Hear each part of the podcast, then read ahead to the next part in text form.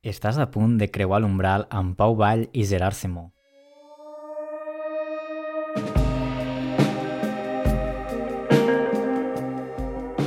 Benvingudes a l'onzè episodi d'Umbral. Estic aquí amb en Gerard, com sempre. Hola! I, bé, comencem l'episodi dient que per fi a Instagram hem arribat a 100 seguidors i estem molt contents. I per fi el Pau ja no tornarà a repetir cada episodi que voldrem arribar als 100, epi- als 100 seguidors. No, no repetiré perquè ara volem arribar als 200. Vinga. No, no, no és el més important perquè fem això perquè ens agrada realment i no per les 10 escutxes que tenim a algun capítol. Però ho podeu enviar igualment pels vostres grups familiars. Sí. Ens fa molta il·lusió quan algun episodi, com per exemple el de l'astrologia, que no sé si l'heu escoltat, però és un dels que ha tingut més boom i fa gràcia. Bueno, perquè ara la Flors és la Flors i porta audiència. L'haurem de tornar a convidar, doncs. A part, aquesta setmana tenim la novetat de que podreu escoltar Umbral a partir d'ara a Apple Podcast, que és una plataforma que no controlàvem abans i que simplement la gent que tingui iPhone o iPad a l'aplicació de podcast, si busqueu Umbral, doncs ja el teniu disponible allà. I doncs bé, el tema d'avui són els documentals musicals, o, bueno, no musicals, sinó sobre la indústria i sobre els artistes de la música, no? Sí, ens volíem centrar una mica en aquest tipus de documentals sobre famosos. Perquè, bé, la setmana passada va sortir el documental de la Britney Spears, que ara en parlarem amb més detall, com es diu Framing Britney, Sí. i a partir d'aquí ens hem donat compte de que en realitat hi ha moltíssims documentals que segueixen aquest gènere, no? Gènere documental al voltant de famosos i sobretot doncs, la, el que comentaves de la indústria de la música i tenen moltes coses en comú i moltes coses potser mm, que es distingeixen, no? I em semblava molt interessant fer un episodi d'Umbral sobre això perquè a part és més entreteniment, mirem aquests documentals molts cops pel morbo que suposa veure la vida privada d'aquestes figures. I mm, llavors és un gènere interessant analitzar que no havíem pensat fins a aquest moment que va sortir el de la Britney. I bé, let's jump into it i comencem.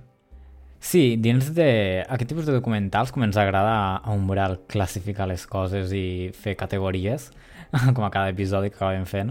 Evidentment, parlant del món de la música, doncs hi ha diferents tipus de documentals, no? Uns que es centren més en la vida privada i el morbo de la vida de la celebrity i tot aquest món. Altres que es centren més sobre la música, l'escriptura d'un disc, hi ha, bueno, després també hi ha els que segueixen un tour mm. en específic, i també després, ja més allunyats, trobaries com les gravacions de, dels concerts en si, que també inclouen parts de, en, en contacte amb l'artista, però és més aviat ensenyar el show, no? I avui ens centrarem més en els del principi, potser. Aquests que t'adentres dins de la vida privada de els teus eh, artistes preferits, no? Perquè què passa tradicionalment amb les celebrities? Doncs que les coneixem a partir de la seva projecció mediàtica i a partir de com els mitjans les jutgen o les eh, o informen sobre aquestes, no? Actualment això ha canviat, evidentment, amb les xarxes socials tenim una perspectiva diferent, més personalitzada i menys filtrada, segurament, de la seva vida privada, però això no treu que igualment hi hagi una barrera d'accés. I aquesta barrera d'accés és el que aquests documentals, eh, sobretot aquests que se centren en la vida privada i la morbositat que això suposa, pretenen trencar totalment i proveir a l'espectador d'un insight que, d'altra banda, amb la seva carrera eh, musical no poden obtenir. Parlem d'aquest documental de la Britney Spears, perquè déu nhi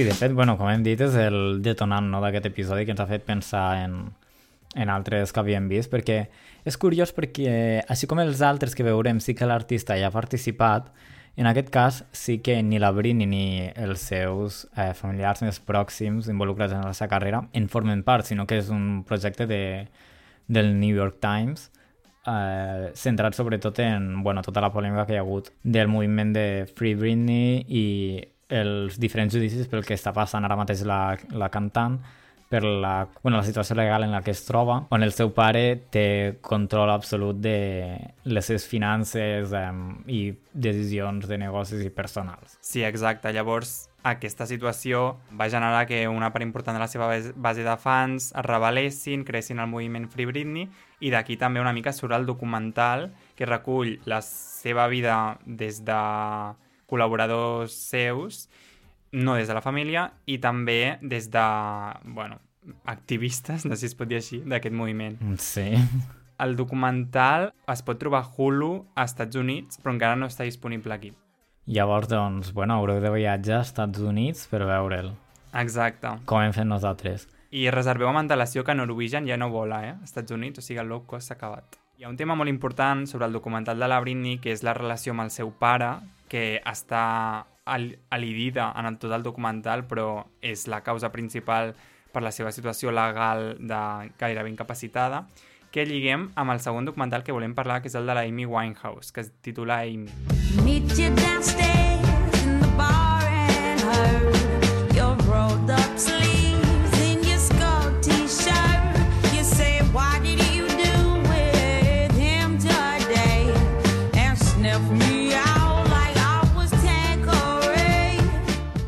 el pare de la Amy Winehouse també tenia una influència molt gran a la seva vida. Sí, podríem dir que els dos pares, tristament, s'han involucrat en la carrera de les seves filles quan hi ha hagut diners pel mig i quan han vist que se'n podien guanyar, així com a resum general, eh? després podeu veure cada eh, documental en si.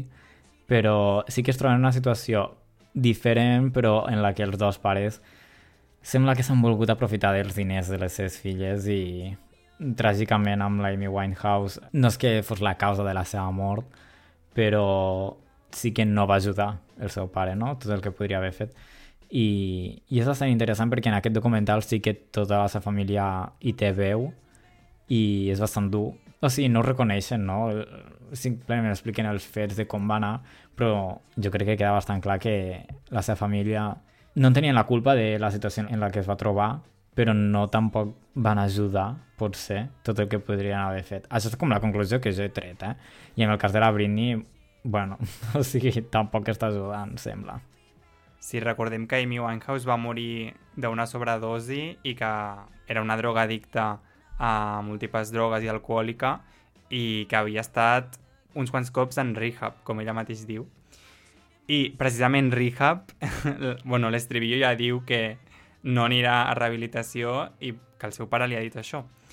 Bueno, no sé si és, si és significatiu o no, si més no és metafòric, perquè bueno, en aquest documental sí que hi ha molts fragments de vídeo de la seva infància, això que és interessant, perquè veus com un insight molt més personal que, per exemple, el de la Britney, però és veritat que també té com aquest punt de reivindicació de, ostres, aquesta dona pues, podria estar viva avui en dia i no ho està, i gran part d'aquesta degradació és pel seu context familiar. I amb aquesta reivindicació podem lligar al següent documental que volem parlar una mica, que és Miss Americana, que va sortir l'any passat, eh, de Netflix, crec que va estar a Sundance, i que és, ens parla de la Taylor Swift, de la trajectòria de Taylor Swift, sobretot en el, durant el projecte del seu àlbum del 2019 Lover i com va trencar amb la, amb la discogràfica que l'havia- li havia portat eh, la seva producció musical durant tot aquest temps. You are somebody that I don't know, but you're taking shots at me like it's Patron, and I'm just like, damn. It's 7 a.m. Sí, de tots els que he vist, um, he de dir que aquest és amb el que més he connectat, però bàsicament perquè aquests documentals el que tenen és que si, si segueixes a l'artista doncs, per la seva carrera musical, fas com una connexió molt més forta, sigui una basura el documental o no, perquè, bueno, doncs perquè és el teu ídol o, o no ídol, però persona que bueno, coneixes i, i saps una mica del, del seu recorregut i llavors pots aprofundir més no? en veure la situació que havies vist a través dels mitjans de cop veure l'altra banda i amb la Taylor doncs és eh, pot ser la que generacionalment més ha coincidit Mm, amb, sí, amb total. nosaltres no? que tenim 21 anys. El tema de la discogràfica potser es menciona, però tampoc s'aprofundeix tot el lío de l'Scooter Brown, sinó que, bueno, parla de... Potser el lío més gran que es, que es menciona és tot el del Kanye West, Sí, i jo és que recordo aquella època perfectament, eh? Um, I en aquella època que va estar un any la Taylor sense sortir per tot l'escàndol de, bueno, teniu 50.000 vídeos a YouTube explicant què és el que va passar. Jo recordo que Cruci Raya, eh, a la Taylor, va sortir la trucada, que tot per la cançó de Famous del Kanye West. A part, el Kanye està amb el tour i tot de, de Life of Pablo, que és un disc que és com el que he escoltat més d'ell, i també suposo que per l'època, i llavors jo era com Team Kim Kardashian i Kanye West. Qui ho hauria dit? 2021 en la situació que es troben els dos. Mm, jo no vull parlar del karma, com diu la Taylor en una cançó que ara no recordo quina és, però on està el Kanye ara? Doncs a candidat presidencial fallit està. I la Taylor està en que ha tret dos àlbums en el pitjor any del segle XXI, potser, 2020. Així que així estan. Sí, sí, el documental de la Taylor és un insight potser necessari, no?, pel, per la seva base de fans i per la base mediàtica que la va massacrar, bueno, en gales de premis, la va massacrar públicament des dels diaris sensacionalistes, i bueno, que això li va causar eh, eating disorders, li va causar problemes de salut mental molt, molt greus i en això també s'aprofundeix al documental. Si una cosa tenen en comú els documentals de la Britney, la Amy i la Taylor és que a part de ser publicitat per les artistes, que és un punt fort d'aquests documentals, perquè no ens enganyem, el de la Amy, tot i ser una figura que està morta ja, el documental li va donar un boom gegant, del qual se'n va aprofitar precisament el seu pare i la seva família, tots tres comparteixen la reivindicació. És a dir, que van més enllà de publicitar l'artista en si i en el cas de la Taylor reivindica doncs, tota una trajectòria de potser submissió a la indústria i tot aquest show que va haver amb el, amb el Kanye i com ho va viure ella. En el cas de la Amy, doncs, tot el tràngol amb la drogadicció i I tota la fama, la vida més personal. no? O sigui, els problemes Sí. de, que pot portar la fama a una persona que no la buscava directament, simplement volia fer música, no? O això aparentava. I en el cas de la Britney, precisament reivindica pues, la seva llibertat indirectament, perquè si no el documental no s'hauria llibertat del seu, de la conservatorship, que és l'estat legal, com hem comentat, en el que es troba ara. O sigui que, a part de ser publicitat per l'artista i tal, aquests documentals tenen un puntillo més, encara que siguin comercials, que és interessant. Perquè ara parlarem d'un parell, més breument, que són Five Foot Two, de la Lady Gaga, que està a Netflix, i Part of Me, de la Katy Perry, que el podeu trobar a Amazon, que potser sí que es centren més a donar com una part de la vida personal de l'artista, però sense, sense anar més enllà, és a dir, sense reivindicar quelcom potser més gran, sinó que en realitat aquests documentals serveixen a, a elles per vendre més. Vull dir, diguem-ho clar. Sí, o sigui, bàsicament el The Part of Me de la Katy Perry és el nom del seu single i va ser com la clausura de l'època Teenage Dream, crec.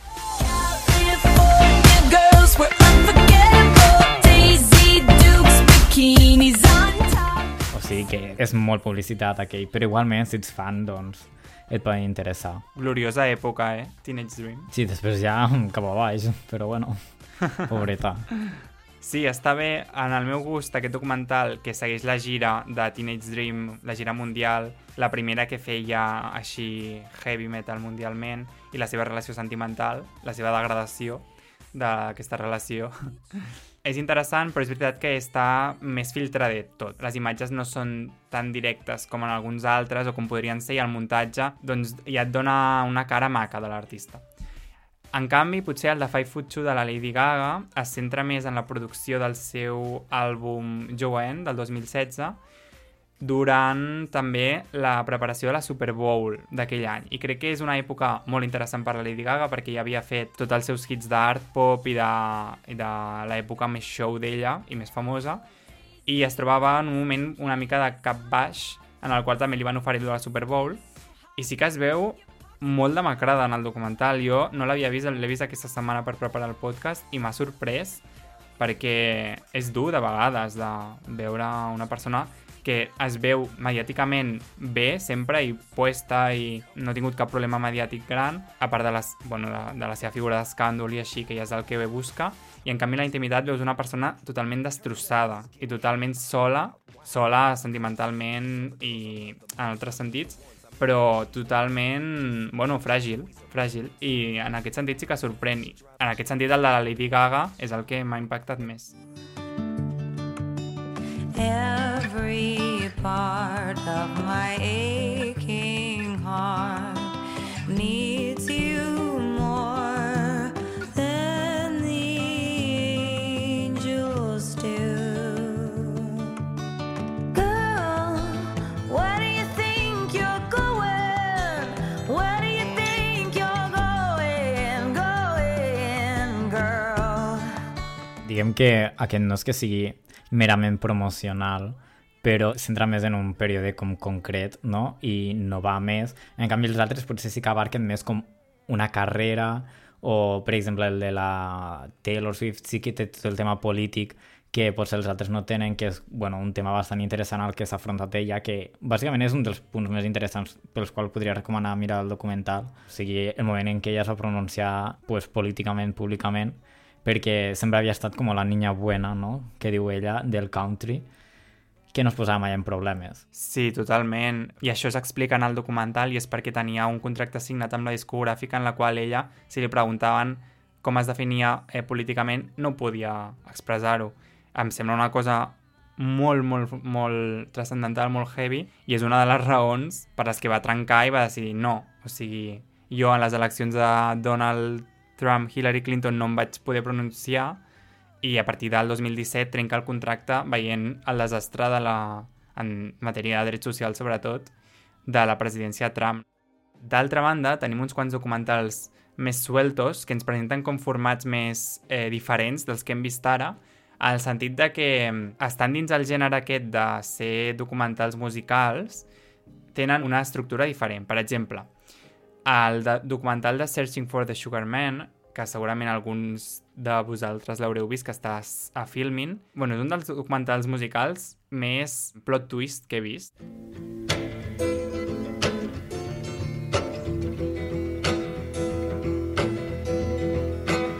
Sugar man, won't you hurry? Cause I'm tired of these scenes. El protagonista de Searching for the Sugar Man és Sixto Rodríguez, que és un personatge que havia gravat dos CDs i en els quals no havia tingut res d'èxit i havia tornat a la seva vida normal, tot i el seu somni de ser cantant professionalment. I resulta que hi havia un país del món, que no mencionaré perquè heu de veure el documental, que ho estava patant i la discogràfica hi estava amagant al cantant bàsicament que trencava les charts musicals d'aquell país. Fins que al cap de tals anys ho va saber i ja era bastant gran i va poder fer gires per aquest país i es va fer més famós internacionalment. Però em sembla una història supercuriosa, superdura també, no? Perquè al cap i a la fi és molt fort el que li va passar amb aquest noi però jo ets de dir que els, la música de, del Sixto Rodríguez m'agrada molt, té un parell de CDs, busqueu-lo i mireu aquest documental perquè té molta gràcia, crec que va estar als Oscars de l'any en el qual es va estrenar. I sí, per documentals musicals realment segurament en teniu del vostre artista preferit perquè n'hi ha la tira, vull dir, qualsevol persona amb amb una mica de fama se n'ha fet un. Vull dir, a qualsevol plataforma, inclús vaig descobrir que n'hi havia un de Coldplay. L'últim que he vist també de Blackpink, de K-pop, que un dia ja parlarem de K-pop, però bueno. També n'hi ha molts, per exemple, el de Blackpink, sí que són molt purament comercials, perquè bàsicament aquestes noies no tenen una carrera per explicar encara que aquí no aconseguim molt èxit. Però sí, e- era interessant, és més un producte on no arribes tant a, a ells personalment, però bueno, estan bé. És que bàsicament fan service, o sigui, és per als fans, la majoria d'aquests documentals. Sí que hi ha com aquest de Sugarman o com podria ser Amy o pot ser Miss Americana, que sí que tenen com una intenció mm, del director i de l'artista a ser quelcom més interessant que no purament eh, per als fans. En aquest sentit també hi ha el de l'Aritha Franklin, que és de fa bastant poquet, que es diu Amazing Grace i simplement és un concert de quan ella encara no era famosa.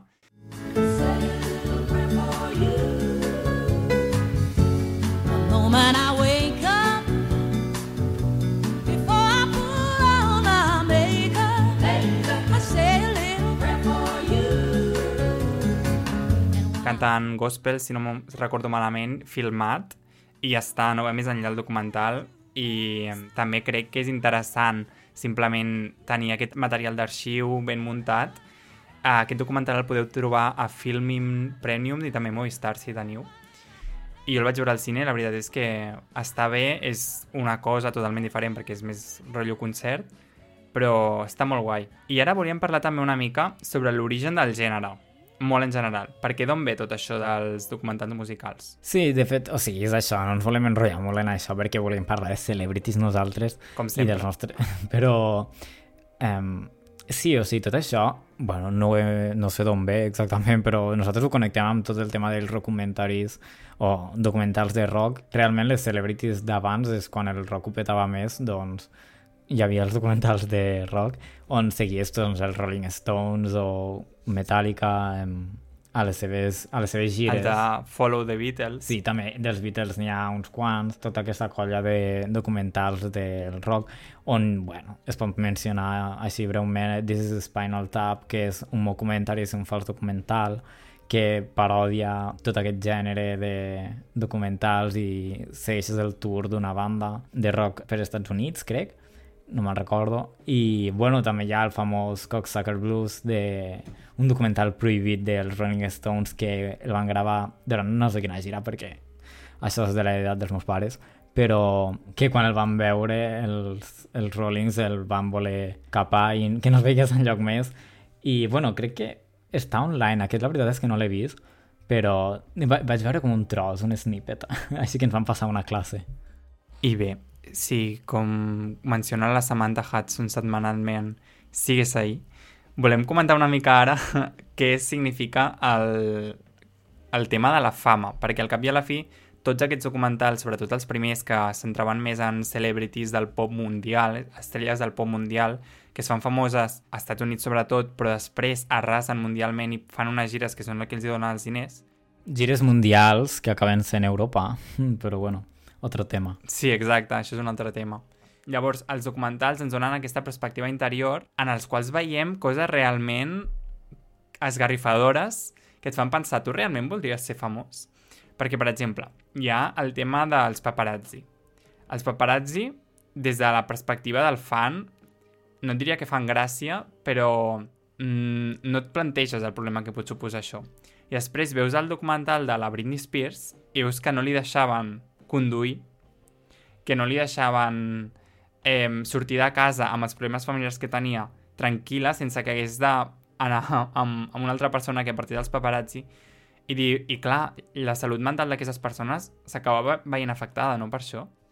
Sí, o sigui, la veritat és que qualsevol problema que hi ha amb aquests documentals, si és que no ensenyen, acabes conduint a la fama, o sigui, és, la, és el gran problema, perquè els problemes dels diners, els problemes de molts cops drogues, els problemes dels paparazzis, els problemes derivats a moltes relacions personals que tenen, són problemes els que tenen per culpa de la fama, no? El que sí que em dona una mica d'esperança veient el de la Britney Spears és que tot el tema dels paparazzis crec que s'ha calmat una mica perquè sí que veus que en aquella època dels 2000, sobretot, eh, pues la sortida de totes les celebrities de Beverly Hills, com la Paris Hilton i tot aquest rotllo, bueno, que, o sigui, guanyaven la pasta, no?, la gent per aconseguir les fotos exclusives i les revistes pagaven molt i llavors sí que es crea com aquesta competència, aquesta obsessió que actualment hi és, suposo, jo no sóc famós, però ho veig com una mica més relaxat perquè, bàsicament, moltes vegades les exclusives ara mateix d'una foto del primer embarazo la fan la mateixa actriu o a través de les seves xarxes socials. Totalment. Crec que l'accés a internet ha canviat molt aquesta indústria sin ser jo nada de esto, mm, m'ho estic inventant, però crec que sí que l'ha canviat bastant i que també eh, amb tot el rotllo aquest que hi ha hagut de la Britney han sortit entrevistes de fa ni 10 anys a la Lindsay Lohan que actualment crec que ja no podrien ser perquè la forma en què els presentadors es posaven, amb, sobretot les noies, en les entrevistes rient-se d'elles o preguntant-los per la seva vida privada, crec que ara Pel seu físic... és molt incòmode sentir algunes preguntes que els hi fan a la Britney Spears sobre si és verge, sobre què ha fet ella malament a la, a la relació perquè es trenqui, o sigui, coses que ara mateix jo crec que serien acceptables i doncs això, o sigui, realment veus que amb menys de 10 anys han canviat les coses. Bueno, jo no m'atreviria a dir que ha canviat tan radicalment les coses, però, però sí que és veritat que la perspectiva de les xarxes socials han donat una volta, si més no. Jo crec que el tema dels paparazzi uh, va més enllà dels 2000, eh? Jo crec que això es va iniciar dècades abans. O sigui, jo dic, dic els 2000 perquè és el que es mostrava, es mostrava allà, eh? L'altre dia ma mare em comentava sobre el, el seguiment de la Lady Di i tot el show de paparazzis que va haver al voltant de la Lady Di. Totalment. I, mm, i té molta relació en realitat, o sigui, era una figura de la reialesa que provenia de, de fora d'aquest entorn que tenia unes actituds una mica mm, rebels, no?, per estar dintre aquest òrgan tan tradicional i tan purità, que mira, també com, com va acabar, no? Vull dir que, que sí, que és, que és un tema que sí que està canviant, però, però que déu-n'hi-do, clar, o sigui, la fama, al cap i a la fi, t'acaba arribant a un preu. I el preu és... bueno, el preu, La teva vida privada. el preu pot ser molt, però gran part és això, és la, la, vendre la teva vida privada i que acabis sent de domini públic, perquè per anar d'un lloc a un altre, o sigui, avui en dia, tu pots saber on està un artista per el tovalló que penja del bar on està menjant, anar a la porta, esperar-la i, a, o sigui, literalment, acusar-la tot el dia i així viuen. A veure, tenim un amic que va descobrir en quin hotel estava la seva cantant preferida, no direm noms. Aquesta persona R va descobrir en quin hotel estava per el mànec d'un grif, per un grifo de l'hotel, no? O una banyera o alguna així, i van de saber en quin lloc estava l'artista aquesta. Bueno, locures de fans. Llavors, suposo que hi ha gent que ho rep millor i hi ha gent que li acaba, depenent de la seva situació i del seu entorn, pues acaba pitjor.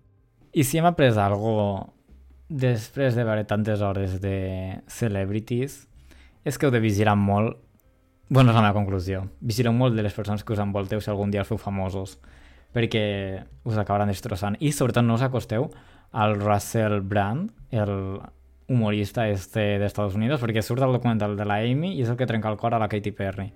O sigui que, si surt a dos documentals drama, jo no m'hi acostaria. I us deixem ara finalment amb una cançó de la Lady Gaga que resumeix molt bé aquest episodi, que es diu Paparazzi. Ens veiem al pròxim episodi. Fins la setmana que ve, pot ser.